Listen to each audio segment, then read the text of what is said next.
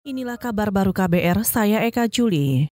Saudara Koalisi Masyarakat Sipil Anti Korupsi memprotes pengesahan revisi Undang-Undang KPK. Koalisi menggelar aksi teatrikal di gedung KPK Selasa malam sebagai simbol kekecewaan atas pelemahan lembaga anti rasuah. Aksi dimulai dengan puluhan anggota koalisi keluar dari gedung KPK berjalan dalam diam dengan membawa bendera kuning, simbol matinya KPK perwakilan koalisi dari Yayasan Lembaga Bantuan Hukum Indonesia atau YLBHI, Asfinawati, dalam orasinya mengatakan tujuan aksi itu adalah untuk membela rakyat Indonesia yang dirampas hak-haknya oleh para koruptor. Karena itu, Bapak Ibu kawan-kawan sekalian, adalah salah mengatakan kita sedang membela KPK.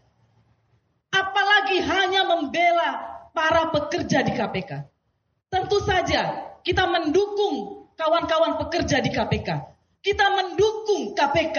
Tetapi sesungguhnya yang kita bela bukan lembaga. Yang kita bela bukan orang. Yang kita bela adalah nilai. Yang kita bela adalah pemberantasan korupsi.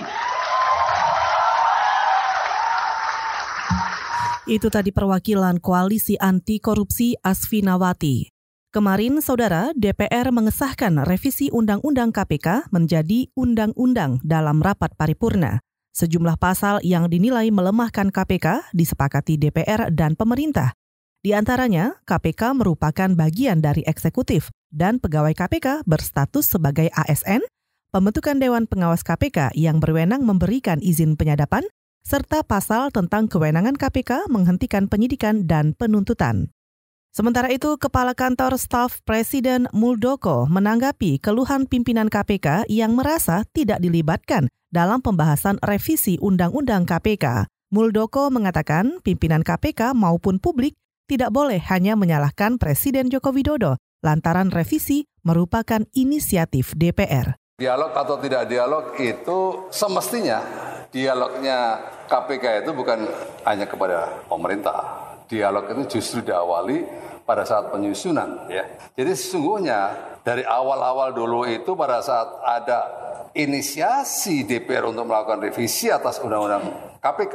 Di situ seharusnya seluruh jajaran KPK itu datang ke DPR sehingga proses awal itu berjalan. Kepala Kantor Staf Presiden Muldoko juga menambahkan Jokowi dibatasi waktu untuk merespon draft revisi Undang-Undang KPK yang diusulkan DPR itu sebab menurutnya penyusunan daftar inventaris masalah atau DIM rampung hanya dalam dua hari. Bekas Panglima TNI ini memastikan Jokowi selalu terbuka jika pimpinan KPK meminta waktu bertemu. Kementerian Kesehatan membantah kabar ada bayi di Palembang yang meninggal akibat asap kebakaran hutan dan lahan.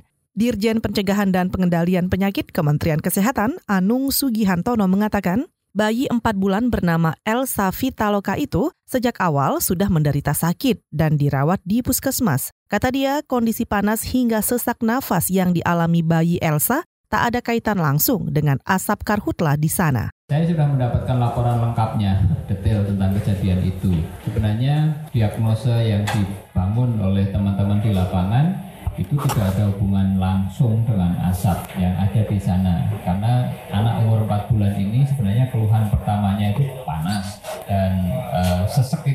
sebagai akibat. Dirjen Pencegahan dan Pengendalian Penyakit Kementerian Kesehatan Anung Sugihantono tidak menampik banyak warga Palembang yang mengalami gangguan pernafasan dipicu asap kebakaran hutanan lahan. Ia menjamin Dinas Kesehatan setempat akan memberikan penanganan sesuai standar.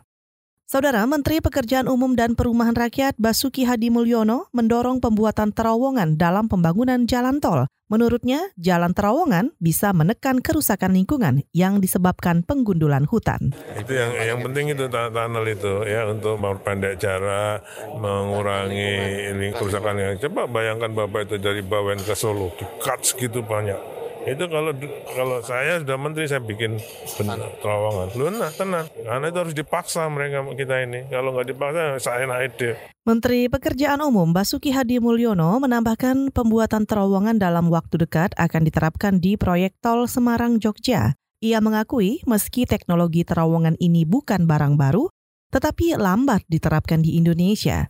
Basuki juga bakal mendorong tiap jalan tol memiliki terowongan terutama yang kondisinya geologisnya berbukit-bukit.